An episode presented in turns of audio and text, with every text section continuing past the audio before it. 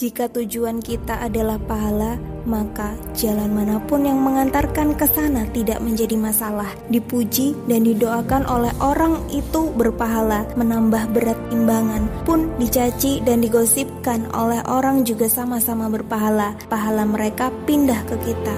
Mood baik, tubuh sehat, kemudian bersyukur, itu berpahala. Pun hati terluka, tubuh lemas, terbaring sakit, tetap bersabar juga sama-sama berpahala. Dosa-dosa dosa berguguran. Berbisiklah, jika sedih dan bahagiaku sama-sama mendatangkan pahala, maka aku tak peduli dari arah mana ia datang.